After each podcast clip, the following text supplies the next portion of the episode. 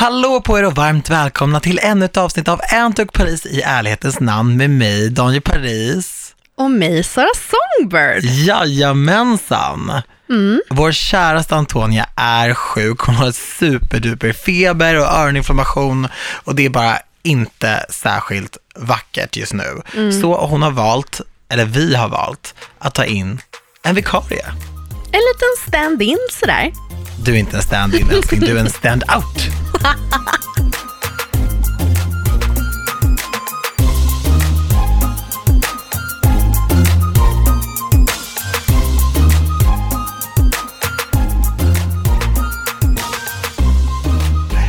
Jag vill bara vara tydlig med att det här har skett i samförstånd med Antonia, inte bara såhär, ah, om du är sjuk, gumman krya på dig, Sara kan du komma? Utan det har verkligen varit ett beslut. Och sen är det faktiskt så att i poddavsnitt nummer 15, Love Thyself, så gästade ju du. Det gjorde och jag. Då hade vi ett så bra snack om kroppskomplex och ångest och hur man bara kommer över de här tokerierna. Mm. Och det samtalet hjälpte mig otroligt mycket och lyssnarna verkade verkligen uppskatta det. Mm. Så då kände vi bara att så här, det finns ju ingen mer självklar stand-out för Antonia än du.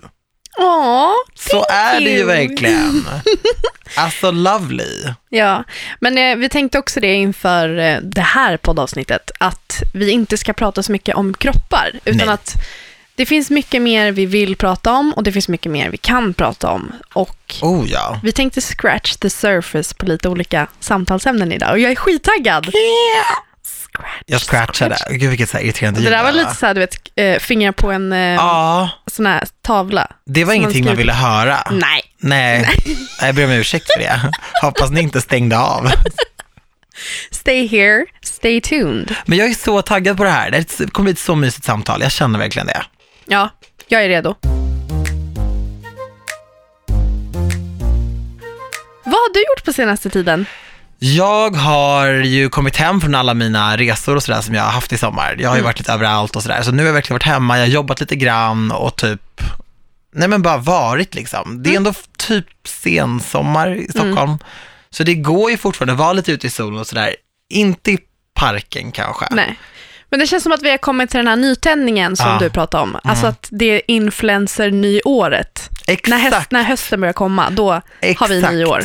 Är det influencer-nyåret? Ja, men jag skulle säga det. Jag brukar alltid känna det, att så här, på hösten, det är mer av en nystart i livet för mig Mm. än vad, vad, vad nyårsafton är. För mitt liv förändras inte mycket från 31 december till 1 januari. Nej. Vet du vem som skrev ett inlägg om det här ganska nyligen? Och Vem? skrev exakt samma sak? Vem? Isabella Löwengrip. Nej. Jo, Det är i och för sig lite coolt att du har sagt det först då. ja men så vi har det lite gemensamt, jag och hon. Mm. Det är coolt. Ja, vi var ju på Rockbjörnen igår. Yes. Jag eh, har skavsår på båda mina stortår efter gårdagen. Men, och jag har på mig samma skor idag. men Sara, det Ja, är ju så här lesson number one. Om du Jag får skavsår ett par skor, då tar du inte på dig dem dagen efter. Men jag sov inte hemma. Oj! Utveckla. Jag sov hos Simon. En Din kompis. killkompis. Ah. Ah, Jag har ju walk of shameat, men jag har ingenting att shamea över. nej, Typ. det var bara walk of. Inte för att man ska behöva shamea för att man har legat med någon. Nej, gud nej. Det, det är väl då man kör walk of fame. Eller om man, om man är into that kind of stuff. Vad tyckte du om Rockbjörnen? Jag, eh, alltså jag tycker det är lite sorgligt att man alltid missar själva rockbjörnen. För att när man hänger där inne på VIP-området så hör man inte någonting och man ser typ lite halvt om halvt för att man är så upptagen med att hälsa på folk och typ, ja men du vet, mingla.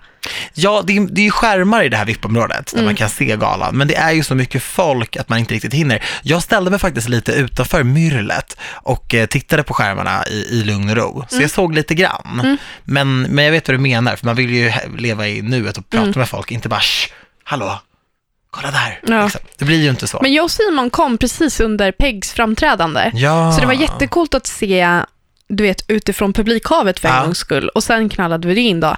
Men det var jättehäftigt att se det från utsidan. För att de tidigare två åren så har jag varit prisutdelare. Ja. Och då har jag varit där mycket tidigare. Mm. Jag har missat väldigt mycket av vad som händer på scenen, för jag har stått Ja, bakom scenen. så Alltså, innan man ska dela ut ett pris ska man vara där en halvtimme innan. Ifall det är någon klafffel i tiden eller någonting. Så man måste finnas tillgänglig. Mm. Och sen står man ju kvar där en stund där bakom. Sen går man tillbaka till VIP-området. Så jag har ju missat de senaste två åren. Så Mm. i år kunde jag faktiskt se lite, vilket var nice. Vad kul. Mm. Kul ändå. Ja. Men du Daniel, Yes. Kristallen, Ja. ska vi prata lite om det? Ja, jag är inte nominerad. Nej, jag vet. Men Ja. jag vill ju att du ska vara det. Ja, vad gullig du är.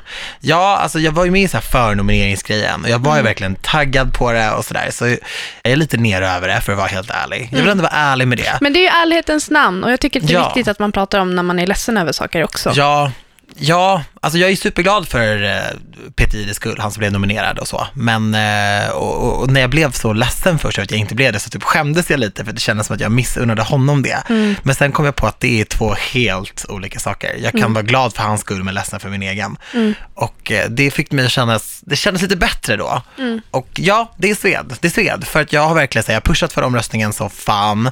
Jag har haft så många vänner som har pushat för det. Jag har fått så mycket DMs och mail från folk som bara, det här är din tid, det här är vår tid. För du vet, en programledare som mig har aldrig nominerats till Nej. årets manliga programledare. Så det hade varit så stort på något sätt Mm. att få ens en nominering och bara visa folk att så här, jo, alltså en manlig programledare kan se ut på alla möjliga sätt Mm. och, och, och så. Ehm, och jag, jag tror det var därför också- folk röstade så hårt. Och folk Mm. engagerade sig verkligen. Och det var därför jag fick så mycket draghjälp från liksom massa stora influencers som la upp och sådär. Men det räckte inte. Nej.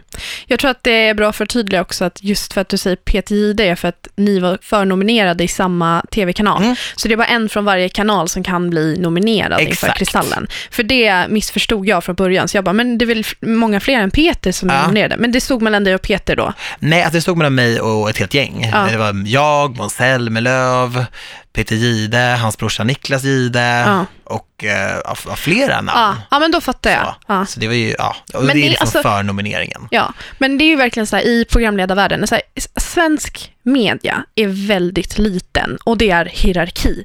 Ja, jag vet. Alltså jag fattar att du är besviken för att det krävs så jävla mycket om du ska peta ner Peter Gide från den ja, tronen. och det förstår jag. Alltså, jag menar, tänk liksom, han har kört Nyhetsmorgon i typ 15 år och Ja. sen så har han kört Diabetesgalan på Men så här, TV3 som var och- ja. grym. Ja. Liksom. Så jag, jag fattar ju verkligen det.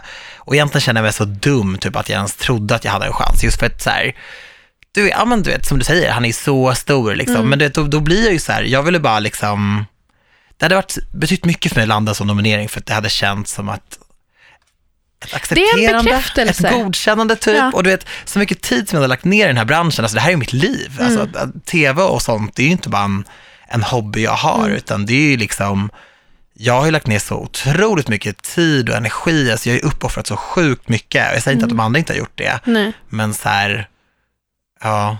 Men du är sån frisk fläkt. Nej, men, Och det är synd att du är. inte får synas mer och får pris för det du gör och den du är. Ja, men det gör ingenting. Alltså, sen så, jag är ju inte med, jag gör ju inte tv för att vinna priser liksom, men det, just, just Kristallen är ett så, Mäktigt pris. ja, och det är verkligen så ett sätt också att visa folk att man finns och syns och Mm. hörs. Jag brukar aldrig be folk rösta på mig till sådana här saker, men jag gjorde verkligen det för det här. Mm. Men med det sagt, alltså jag ser jättemycket fram emot galan och det kommer Mm. bli kul att gå och liksom heja på Peter och alla andra.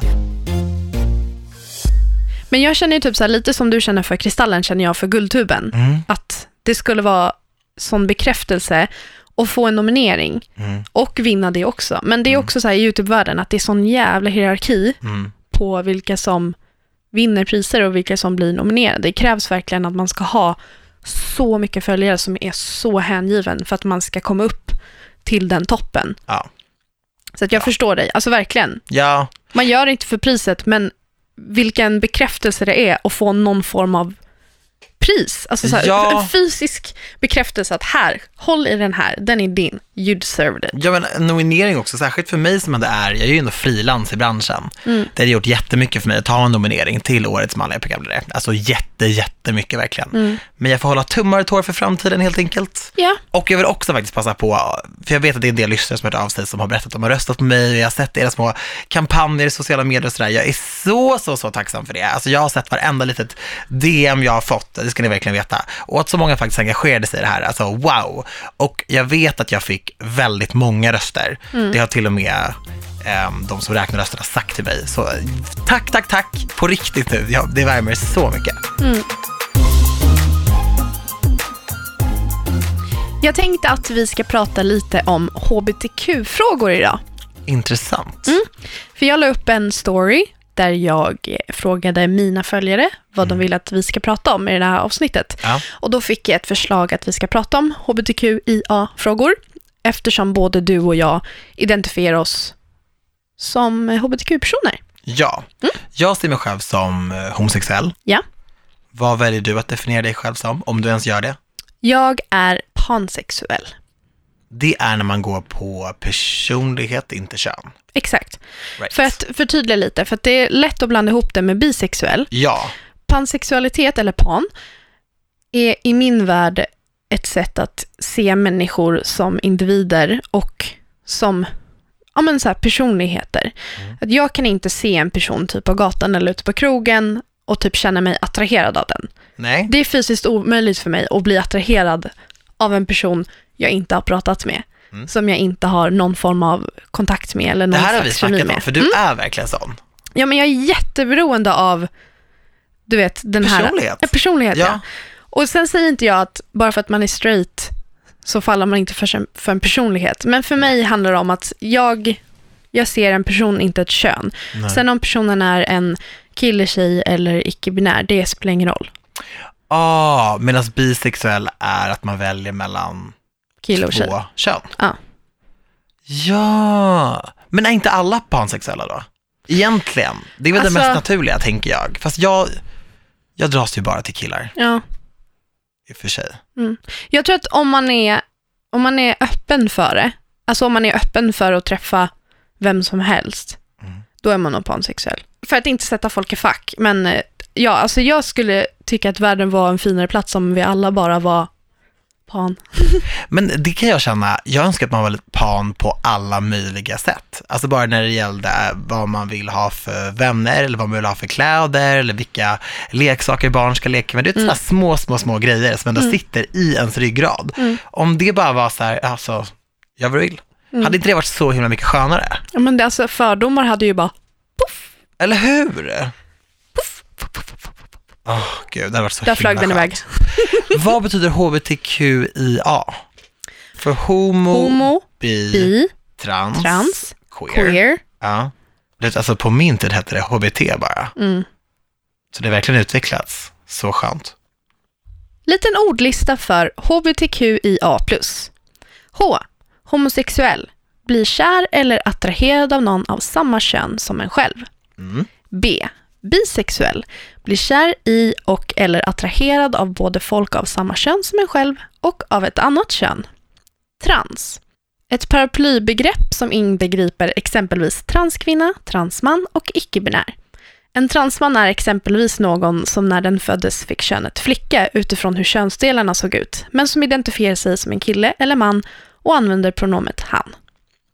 Queer. Det är ett paraplybegrepp som betyder normbrytande.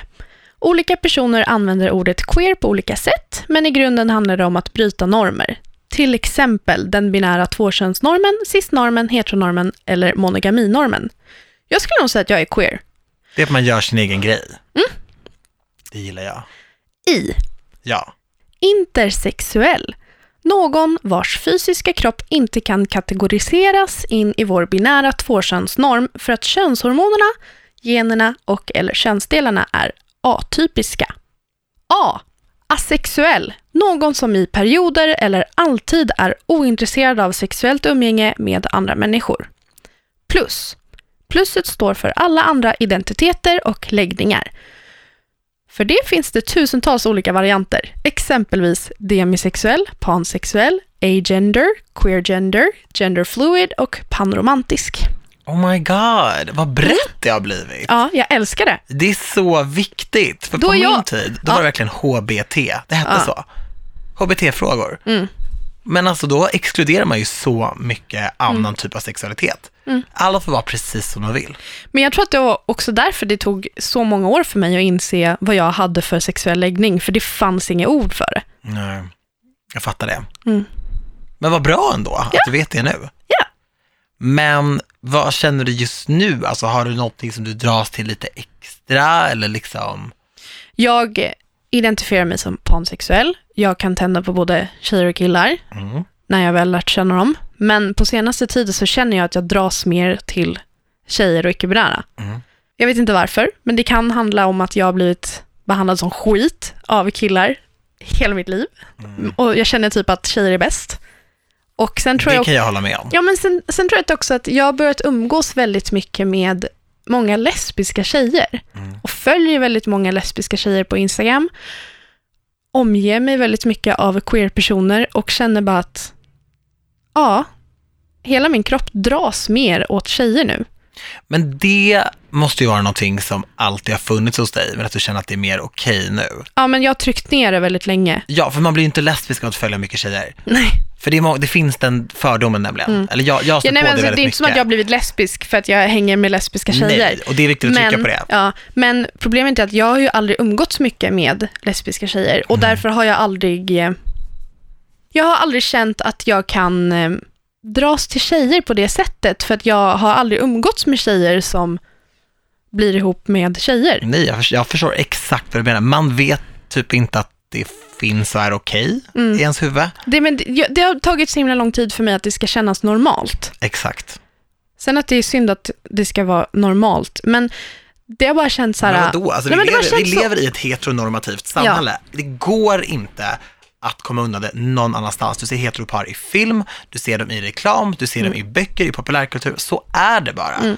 Och det är liksom, det är därför man ofta säger normalt och sen kommer man på sig, men vadå normalt, det är inte onormalt att vara, men det är liksom, det är okej. Mm. Det är okej att du säger så, för jag, jag förstår vad du menar. Och jag tror att jag har tyckt att det har varit lite läskigt också. Mm. Det har varit så långt ifrån och obekant. Mm. Så när jag väl kommer närmre och känner efter och vågar känna efter så känns det bara rätt. Mm. Vilket är sjukt. Mm. Och jag har börjat prata om det mer hemma. Mm. För det har jag inte gjort innan och jag har börjat försöka, du vet, kolla typ, jag kollar på jättemycket L-word nu till exempel. Ja, det är Bara jättebra för att- serie. Ja, men bara pränta in hela det, den sociala biten. Att, med så här, att man pratar om att ragga, och man pratar om att ligga, om, allting bara är så himla casual i den serien. Mm. Fattar du att den släpptes 2004? Ja, jag vet. De var så före sin tid. Ja, det var de verkligen. Alltså när jag kollar idag, jag bara, alltså det hade de kunnat göra idag. ja. De var så PK i den serien, så jag bara, jag älskar det, jag älskar PK. Men jag älskar också PK. Men jag vet exakt vad du menar, men hur länge gick The L-word, typ? Sex säsonger. Det är är på säsong fyra nu. Mm. Det är rätt mycket. Alltså jag var ju tio när L-word släpptes. Mm. Och jag pratade om det här med mamma, för vi kollar igenom serien nu. Jag tyckte att det var så spännande. Mm. Jag fick inte kolla på L-word när jag var tio, för att det, var ju, det är ju extremt mycket sex. Ja, Men nu när jag det är kollar, lika mycket sex som i typ Entourage. Alltså Ja. vilken annan grabbserie som helst. ja, alltså det är jättemycket sex, men det kanske inte för en tioåring. Nej. Eh, sen, tror, sen var det inte för att det var lesbiskt sex, Nej, nej, sex utan för att det var sex. Och jag tänkte så här, varför tyckte jag att det var så himla spännande? Det var inte som att jag var så här, åh, två tjejer som ligger, utan det var verkligen så här, jag vill se tjejer som har sex. Jag gillar den idén om att tjejer också har sex med varandra, Mm. eller att tjejer kan vara kära. Och jag tänkte ju aldrig mer på det efter det. Alltså det tog ju flera år innan jag bara, nej men gud, jag är ju verkligen inte straight. Men har du varit kär i en tjej någon gång? Jag har haft en enorm crush som Mm. varade i många, många år. Vad fint. Men jag har nog aldrig varit kär och jag har aldrig haft ett förhållande med en tjej. Nej, Men, ehm, du har hela livet på dig. ja, men ja exakt. Mm. Ja, fan jag är 24. No time to lose. Men jag tycker bara det är så viktigt att prata kring sådana här saker. Alltså, jag brukar alltid säga det, att jag har ju följt dig på Instagram i något år egentligen, så. Alltså när vi, när vi började hänga liksom. Mm, Men två du, år. Två år. Men du delar ju väldigt mycket viktigt innehåll. Mm. Och det tycker jag är så skönt, för du belyser så mycket saker, ja men typ som har med identitet att göra, rasism, sexism, alltså främlingsfientlighet, alltså mycket sådana här saker som, som jag vill ta del av, jag vill läsa på om. Men så här, det är kanske lite tufft att det googlas till viss kunskap och då är det skönt Mm. att följa en influencer liksom, som ändå är så här, ja men som mig, äter godis och sådär och sen så bara pang, ett politiskt inlägg eller bara Mm. Ja, pang. det, det är gratis information. Ja, Ja. om viktiga saker. Mm. Och jag känner verkligen att det har gjort jättemycket för mig, alltså för min självkänsla, för mitt liksom, Intellekt. ja men känner du ibland att det är så här, det är lite, lite tufft. Lite tungt Mm. att ta sig an sådana saker. Önskar ibland att du bara var en person som lägger upp rosa smoothies och kläder och bilder på cupcakes, typ som jag gör ibland, för att du bara får komma undan allt det här, för man kommer ju undan väldigt lätt då. Mm. Ja, alltså det är ju aldrig någon som typ sätter press på en influencer som bara lägger upp inspo-bilder och bara, du måste prata mer om politik eller du måste, varför nämner du inte det här? Alltså, Nej, de får ju bara säga, oh my god, älskar det här, god Ja. mat, du är snygg, du är så Ja. bra.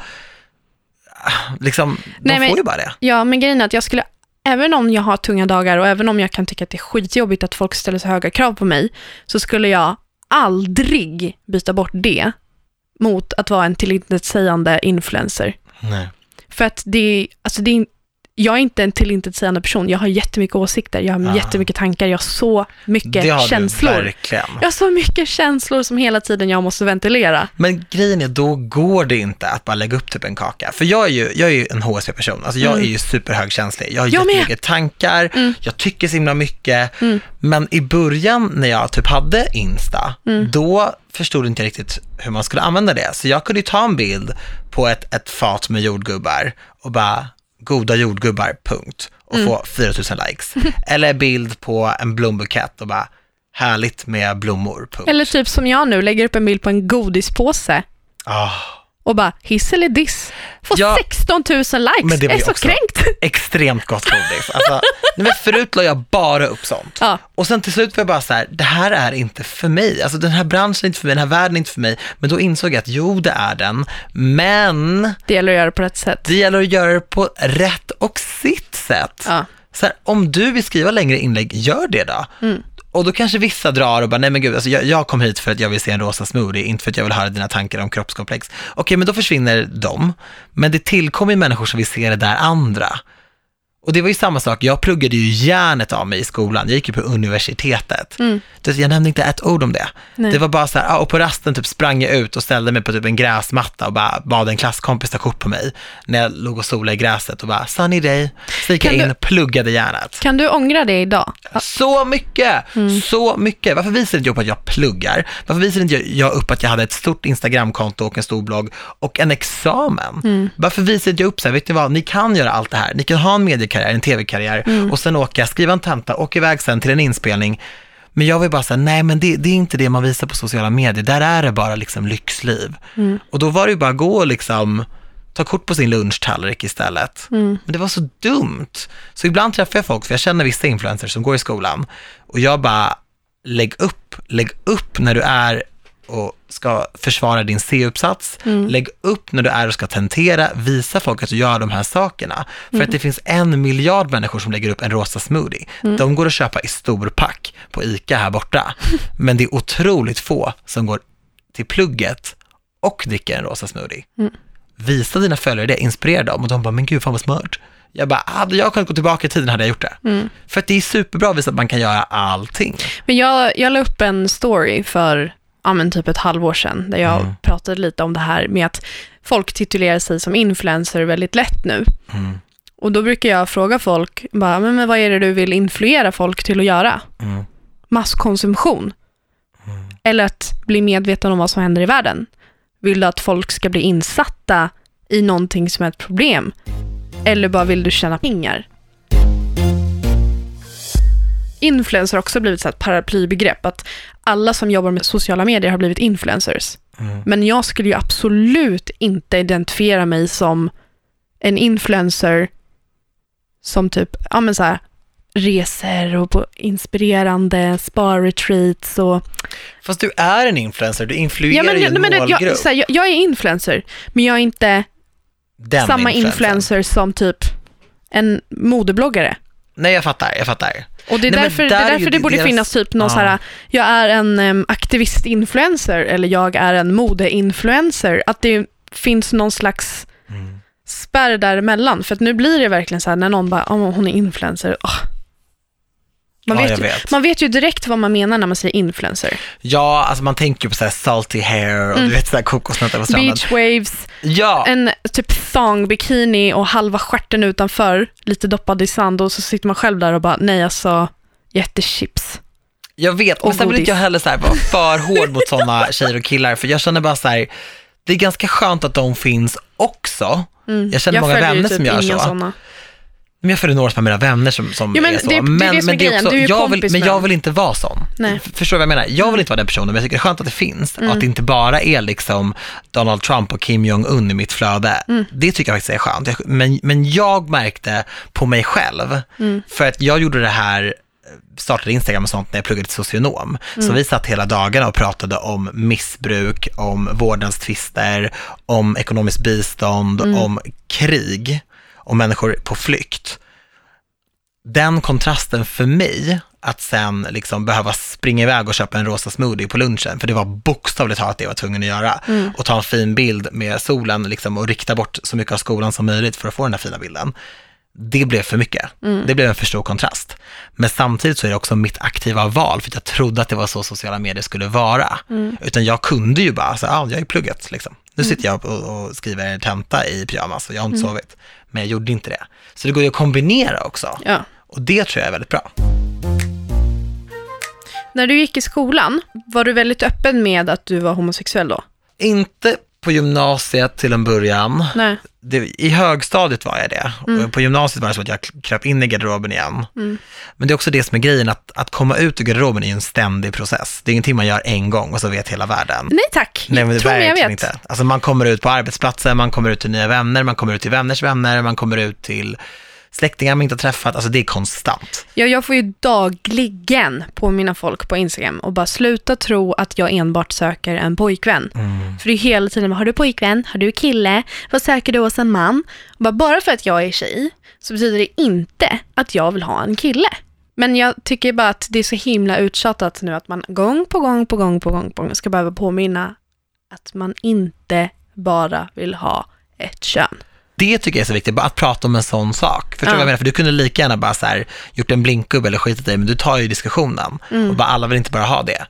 Och det, jag tror bara att det handlar om en så normalisering Mm. av det som så länge har sett som inte normalt. Mm. Hur hårt det än låter. Men vi hbtq-personer, vi har inte sett som normala i alla år. Nej. Vi har inte det, man kommer inte ifrån det. Mm. Och därför tror jag att det är så viktigt att bara så här, vara väldigt odramatisk. Alltså Mm. folk får ju det att verka ibland som att så här, en komma ut-process eller att bara berätta att man är lite avvikande, att det är liksom, du vet, släktingarna bara sitter och gråter och tar sig för pannan. Det händer säkert, jag säger inte att det inte händer.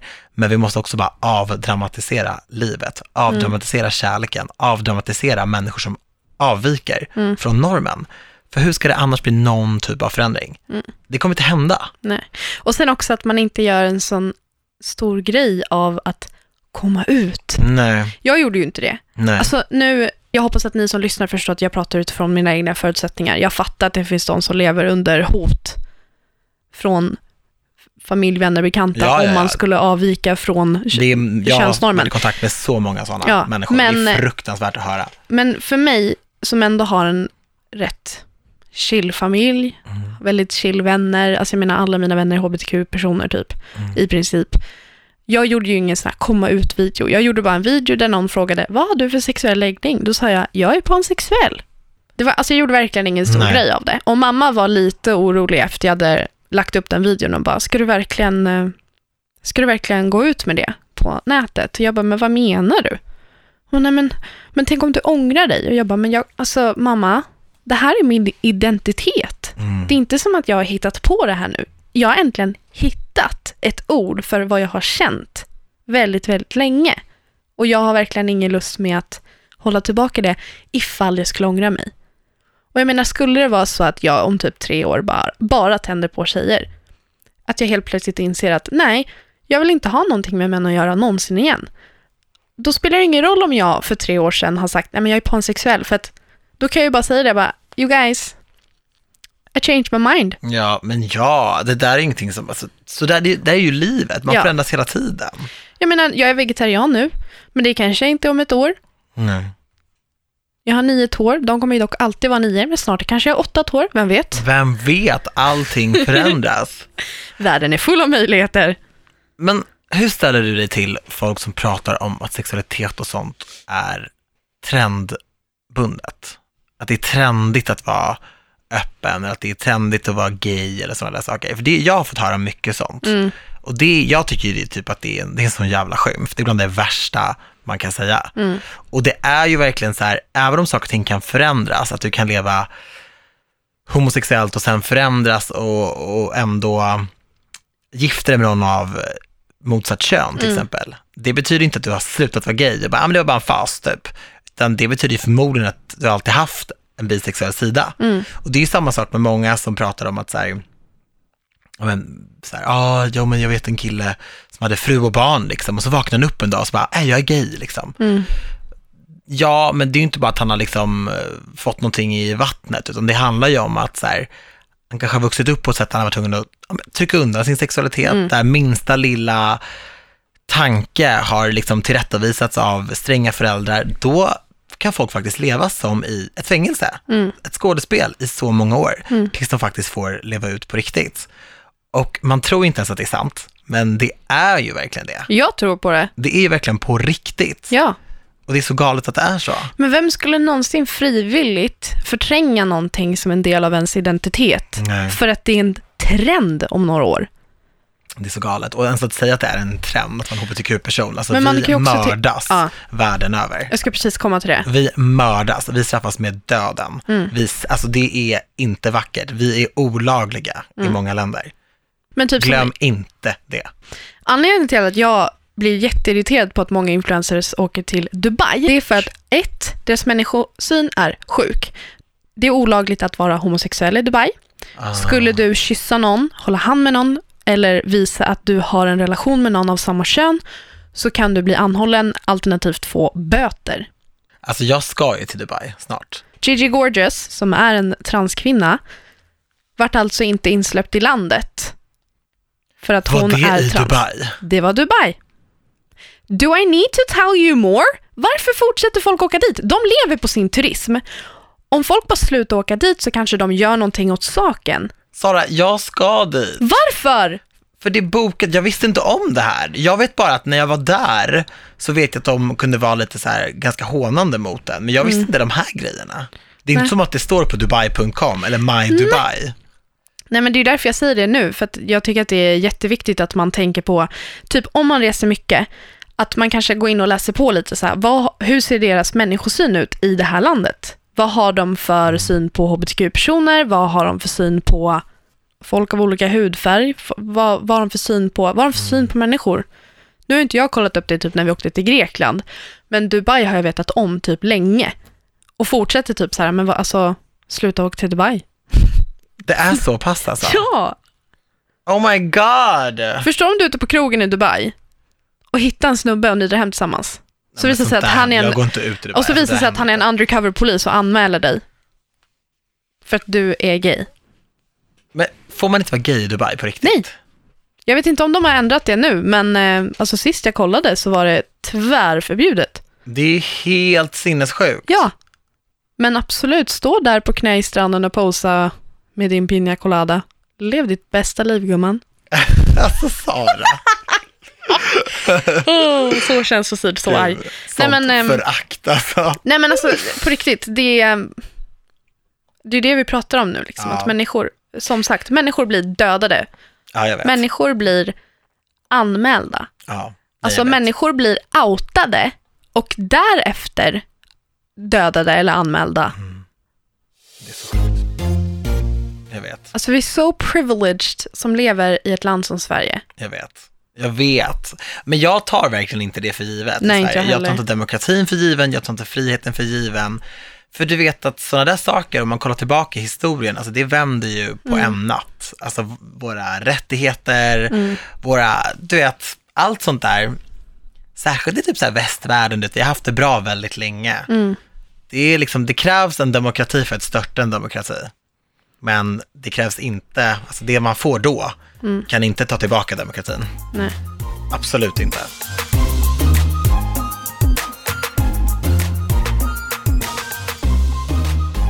Många har velat att vi ska prata om politik i det här avsnittet.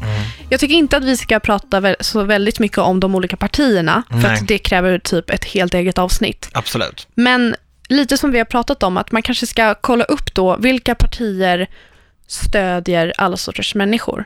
Mm. För mig är det viktigaste att tänka på i det här valet människosyn, jämställdhet och miljöfrågor.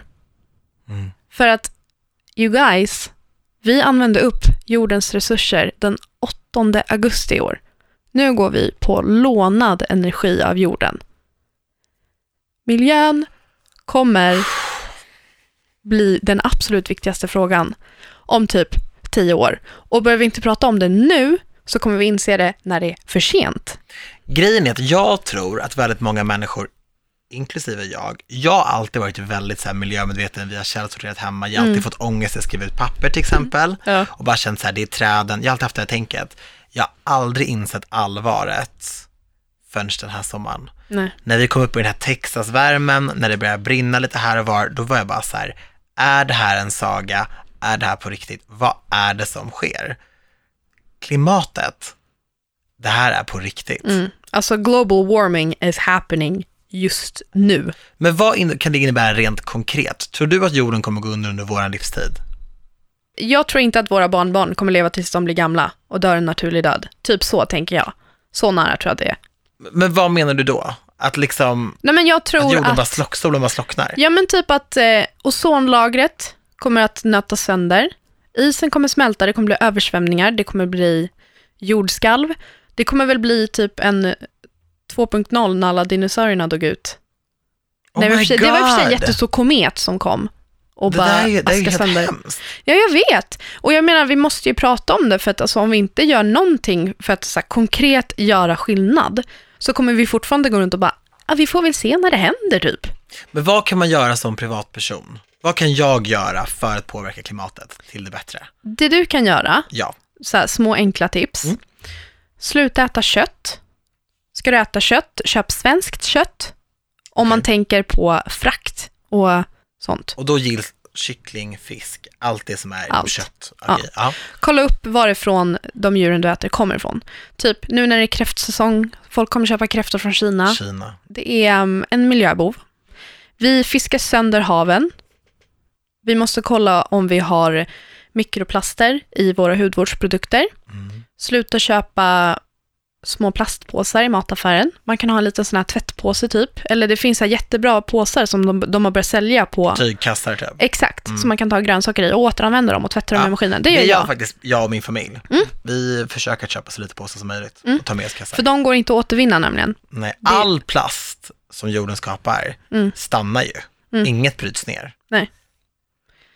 Ehm, Jag får ja sån... men typ så här. Men det här är viktigt att höra. Ja, panta, eh, återvinna, försöka se om man kan ändra sin konsumtion. Typ, det börjar ju finnas så här schampokakor. Så istället för att köpa typ en schampoflaska så kan du bara köpa som en, du vet det ser ut som en vanlig tvål som du bara gnuggar i håret. Mm. Ja, det finns på Lush bland annat. Ja, jag har jag har den. kört sån där. Den är underbar, jag älskar den. Det finns massa. Ja, men bara tänka typ så här, vad köper jag för förpackningar? Försöka sluta köpa förpackningar som har plast. Mm. Börja återvinna, äta mindre kött eller djur överlag. Åka kommunalt. Ja, Mm, sluta flyga. helt och hållet. Ja, men typ så lite som möjligt. Jag ska försöka göra det nu i alla fall. Mm. Ehm, vad finns det mer? Inte köpa en massa nya kläder. Handla second hand. Det är väldigt bra. Låna mycket gör jag i mitt Mm. yrke. Att Mm. man liksom lånar plagg och lämnar tillbaka. Det är jättebra Ja. att det finns så PR-byråer som Ja. lånar ut kläder. Så, för det har ju varit mitt problem, att jag, de har inte mina storlekar inne. Jag hade Nej. jättegärna lånat kläder, men för mig funkar inte det. Nej. Så det har blivit att så här, typ, om jag ska på Guldtuben, jag köper en ny klänning och använder den en gång. Mm. Men jag brukar sälja mina kläder också, så att de blir bra. återanvända. Jag brukar vara väldigt transparent också, för att det är väldigt många som skriver till mig typ på Instagram, bara din garderob, den måste vara så stor och du har så mycket saker, du har så mycket saker. Men då brukar jag också vara väldigt tydlig med att så här, jag lånar väldigt mycket Mm. och det åker tillbaka sen. För att omedvetet om man bara skriver, åh puss på dig till en sån kommentar, alla som ser det blir så, åh gud, Daniel Paris har en stor garderob, det vill Mm. jag också ha, jag ska också shoppa. Då kanske de går och köper järnet lite billigare kläder eller Mm. dyrare sådär, men köper mycket liksom. Masskonsumtion är ju aldrig positivt. Nej, och så där är ju mitt problem. Jag, jag är ju inte bra på den fronten. Nej. Jag åker till London och köper nya kläder där. För mitt problem är att jag inte hittar kläder här hemma i fysisk butik och det är väldigt svårt att hitta kläder i min storlek i second hand-affärer. Ja, men du har också varit vegetarian i väldigt många år. Ett år snart. Ja, men du gör ju ändå din grej där Ja. kanske. Alltså man måste få hitta sina sätt Exakt, också. man får, ju, man får ju välja sina strider nästan. Ja, Mitt mål är ju att bli så miljömedveten och snäll mot naturen som möjligt. Och men det, är känns- bra. Ja, men alltså, jag tror att så, här, så länge man har, vet vad man, vad man aimar mot, så har man ju ändå gått ett steg i rätt riktning. Man kan ju inte göra allting på en och samma gång, Nej. men man kan ju alltid göra något. Och en till grej, sluta ta sugrör. Ah, Oavsett om det är på restaurang eller om det är... de borde tas bort. Ja. Sugrör ska inte finnas. För sugrör går inte att återvinna heller. Även om man lägger det i plaståtervinning, så det är så dåligt plast, så det går liksom inte att återanvända. Sara, Ja, jag älskar när du pratar. tack. Du sa någonting också om människosyn. Mm. Om, man tänker, om jag gör Valkompassen, till exempel på SVT eller på Jag Aftonbladet gjorde på eller så. TT. Ja, men det finns lite överallt, men superbra. Hur kan jag se vad som handlar om människosyn? Eh, oftast är det frågor om religion, Mm. oftast är det frågor om eh, Kön. kön. Det var. Vården. Vården. Jag tror att allting som berör människor, alltså allting berör ju människor. Ja. Men jag tror att man måste tänka typ, man kan inte alltid utgå ifrån sig själv. Nej. För jag tror att om vi ska få ett perfekt samhälle där vi alla får det vi vill ha, Mm. Ponera att jag vill ha en hyreslägenhet, då måste jag utgå ifrån att det jag vill ha ska någon annan också kunna få. För jag tror att problemet är typ så här att, säg att jag hade börjat jobba jättemycket och tjäna en massa pengar och så blir jag lack för att jag måste skatta mer då. Då måste man ju också komma ihåg att jag skattar för mig själv och för människor runt omkring mig som inte har samma möjlighet att tjäna pengar som jag gör. Nej. Man måste ju kunna tänka att visst, nu skattar jag helvetes mycket pengar. Hälften av vad jag tjänat typ går bort. Men då får man också komma ihåg att det går till en framtida förskolefröken som kommer ta hand om mina barn. Det går till polisen som kommer komma hem till mig tre på natten när jag har haft inbrott. Det går till ambulanspersonalen som hämtar min mormor när hon ligger på dödsbädden i sin lägenhet. Det går inte bort. Det går till saker som kommer hjälpa dig och människor du bryr dig om. Och vi måste ha ett samhälle där vi betalar skatt. Och vi måste, jag tycker nästan att vi ska ha högre skatt för att vi ska kunna hjälpa de människorna som jobbar typ inom vården eller i skolor. Skolor. Skolor. Men vad säger du till folk som säger att alla föds lika? Att bara säga det är inte mitt problem om Daniel, 30, Mm. inte tjänar lika mycket pengar som mig. Han får väl bara fixa det. Tycker vi- du att alla föds på samma villkor? Absolut inte. Det är samma land, samma värld. Ja men alltså. Nu säger jag bara till de som säger ja. det argumentet. Ja men typ, okej. Jag har inte det argumentet. Säg så här. Typ, om man jämför mig och Bianca Ingrosso. Ja. Vi båda är uppvuxna på Lidingö. Mm. Skillnaden är här att Bianca har en mamma som har världens jävla karriär och har tjänat bra med pengar. Har förutsättningar att hon kan köpa ett hus på Lidingö och ha en tomt där de kan resa och köpa ett hus utomlands. Hon kan säkert hjälpa Bianca med att, eh, jag vet inte, betala av hennes körkort. Kanske köpa en bil till henne. Nu säger vi inte att hon har gjort det. Nej, nej, nej, nej, nu ponerar vi bara. Ja. Eh, Och Bianca är våran vän, vi älskar ja, men alltså, I love you Ja, girl. Vi vill bara. Nej, men jag, jag bara, hon alltså, på an, ja, men jag bara använder det som Ja, exempel. ja, jag att, vill bara vara tydlig. ja, gud ja. Hon har de förutsättningarna att hon har föräldrar som har haft råd att kunna hjälpa henne. Ja. Om hon har velat ha nya skor för att hennes gamla är sönder, så har de kunnat göra det. Mm. Jag hade inte samma möjligheter med min ensamstående mamma som hade en dyr hyra med två barn. Vi bodde i en trea med tre personer, så en av oss sov antingen i vardagsrummet eller i köket. Mm.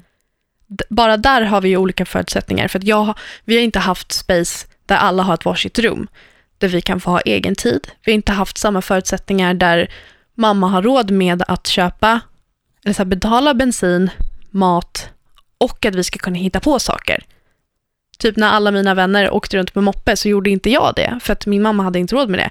Nu har jag andra förutsättningar för att jag har en pappa också som har varit med och hjälpt till jättemycket ekonomiskt. Men ja, vi har inte samma förutsättningar. Och man kan inte utgå skulle ifrån att alla har en, det. En viss typ av tur där och en Ja. annan typ av tur Ja. hos din pappa. Ja. Nej, och jag brukar alltid säga, mitt exempel på det där, när jag verkligen fick upp ögonen för att alla inte är lika. För jag trodde det när jag var 12, 13, 14 och bodde i mitt hus i rondellen. För det enda jag såg var min granne och deras hus var exakt likadant och Ja. mina grannar mittemot var exakt likadana. Jag märkte däremot att vi inte var lika på det sättet att jag hade utländsk bakgrund och det var inte alltid så uppskattat. Ehm, så där fick jag verkligen känna på det. Men mitt första konkreta exempel, det var när jag var 16 år gammal och började gymnasiet. Jag gick i en gymnasieskola som var en bussresa bort, medan min, mitt högstadie var en promenad bort. Så det var lite, så här, lite olika områden som sökte sig dit, lite olika människor och en större skola. Jag träffade en massa människor. Och där träffade jag faktiskt klasskompisar till mig, som gick samma utbildning som mig, Samsam i Jakobsberg. Men enda skillnaden var att när min arbetsdag tog slut klockan tre, när skolan var slut, jag såg det som mitt arbete, för det var det mina föräldrar sa, att när du är i en viss ålder, då är, då är det, skolan är ditt jobb. Då började mina klasskompisar, vissa av dem, då började deras jobb nummer två. Mm. Då skulle de åka och jobba i mataffär, eller i ett, på ett gatukök, eller i klädbutik. Eller åka hem till sina föräldrar och göra sysslor. Mm. Eller ta hand om en gammal släkting. Och jag fattade aldrig grejen. Nej. Jag bara, men vadå, vi, vi är ju studenter, vi är 16, 17, vi är Mm. tonåringar. Vi alla åker väl hem efter skolan. Men så var det ju inte. Nej. För att jag hade ju vänner som, som hade ensamstående föräldrar som behövde hjälp eller som själva ville ha råd och därför hade extra jobb och sånt. Mm. Och jag kunde inte få in det i min skalle. Nej. Eller det är klart jag kunde få in det, men det, det, det tog ett tag för det att sjunka och bara wow. Och jag såg faktiskt hur många av dem, jag hade klasskompisar som jobbade natt när vi blev 18 till exempel och gick trean. Vissa av dem gick inte ut med fullständiga betyg. Och jag har full förståelse för det, för de måste varit helt jäkla slut i huvudet.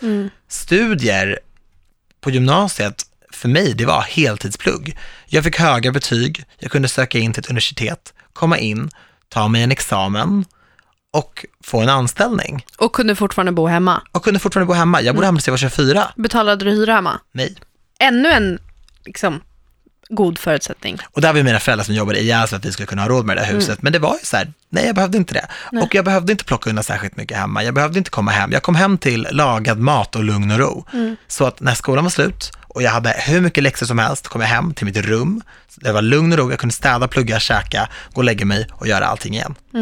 Så jag menar, nej, det är inte rätt att säga att vi föds lika. Och jag var ändå en av dem som sa det när jag var 13, 14, 15. När folk sa typ sådana där saker var jag bara så här, nej, det är samma land, det är samma förutsättningar, du har föräldrar precis som jag, jag har också syskon. Men det var ju inte så. Nej.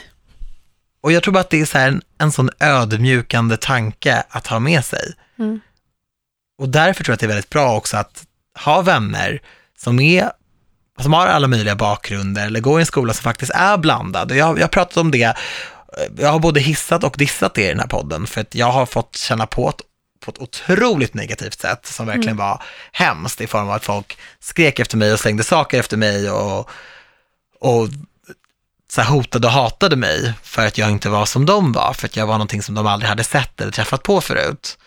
Och det var såklart den mörka delen som har satt otroliga spår på mig, som jag brottas med än idag, fast det var väldigt många år sedan jag gick i gymnasiet. Mm. Men det positiva, det var ju perspektiv. Mm. Och jag kanske inte hade varit socionom om inte jag hade träffat alla möjliga människor. Jag hade kanske inte ens vetat vad en socionom gör om inte jag hade haft klasskompisar som gick till socialen. Mm. Rent krasst är det så. Nu måste vi ju nämna Beyoncé-citatet. Det är det bästa citatet som jag någonsin har läst. Det är alltså Beyoncé för Vogue Magazine. De säger så här.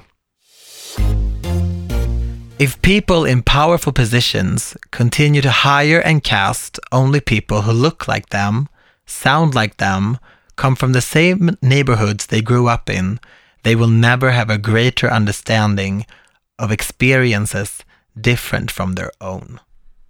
Mm. Det är så bra. Och du vet själv, jag är inget die hard Beyoncé-fan. Så mycket betyder inte hon för mig. Men det här, det är ett citat jag sparat i min telefon, så jag kommer bära med mig för alltid. För det är exakt det som är grejen. Lyft blicken från ditt kompisgäng, lyft blicken från ditt nätverk, lyft blicken från ditt område, Mm. dina trakter. Och, så här, och är du inte insatt i en fråga, Sätt in dig. Det är jätteenkelt. Det är så enkelt. Vi har internet idag. Vi har alla förutsättningar i världen att bli pålästa. Att vara medvetna. Och var källkritiska. Kolla upp era källor. Se vem som är avsändare för det som skrivs. Pushar de någon agenda? Har de några baktankar? Ifrågasätt det då. Läs igenom hemsidan som du är inne på. Se bortom rubriker. Mm. Det är så viktigt. Så viktigt. Så viktigt. Och ibland kan du hitta snarlika artiklar på en hemsida med ifrågasättbart innehåll och kanske SVT eller Aftonbladet och tänka att men vadå, den står lite överallt. Jo, men tänk också på att andra saker som figurerar på den hemsida som du väljer att dela kanske kan vara sånt innehåll som är sexistiskt, rasistiskt, otroligt kränkande. Mm. Du vill inte göra dem en tjänst genom att sprida det där. Jag tror inte du vill det, jag tror inte någon vill det. Preach, Jag tror inte det. Jag tror inte man vill det, jag tror att det är omedvetet. Jag tycker att vi ska avsluta det här avsnittet på det absolut bästa sättet man kan avsluta ett poddavsnitt på. Berätta. Vi ska hylla Antonia. We love you sister! Vi tänker på dig och krya på dig. Ja, du är bäst. We love you. Tack för att du finns i våra liv. Du är helt ovärderlig och Och jag är så glad att du alltid har face mist och godis hemma. mm, Det är viktigt, ja, eller hur? och att hon är så cool. We love you. We love you. I nästa vecka så är och Paris tillbaka med Anty. Men Sara, tack snälla för att du ville komma och bara sprida dina good vibes, dina klokheter. Och kan man inte få nog av Sara Songbird, ja men då behöver man inte få nog. Man kan bara följa dig på Instagram, Ja, man kan följa dig på Twitter ja. och man kan bara hänga Prenumerera med. på min YouTube-kanal. Oh! Heter du Sara Songbird på allt? Överallt. Överallt? Ja. Svårare än så är det inte. Nej. Hörs igen nästa vecka. Puss puss! Hej då!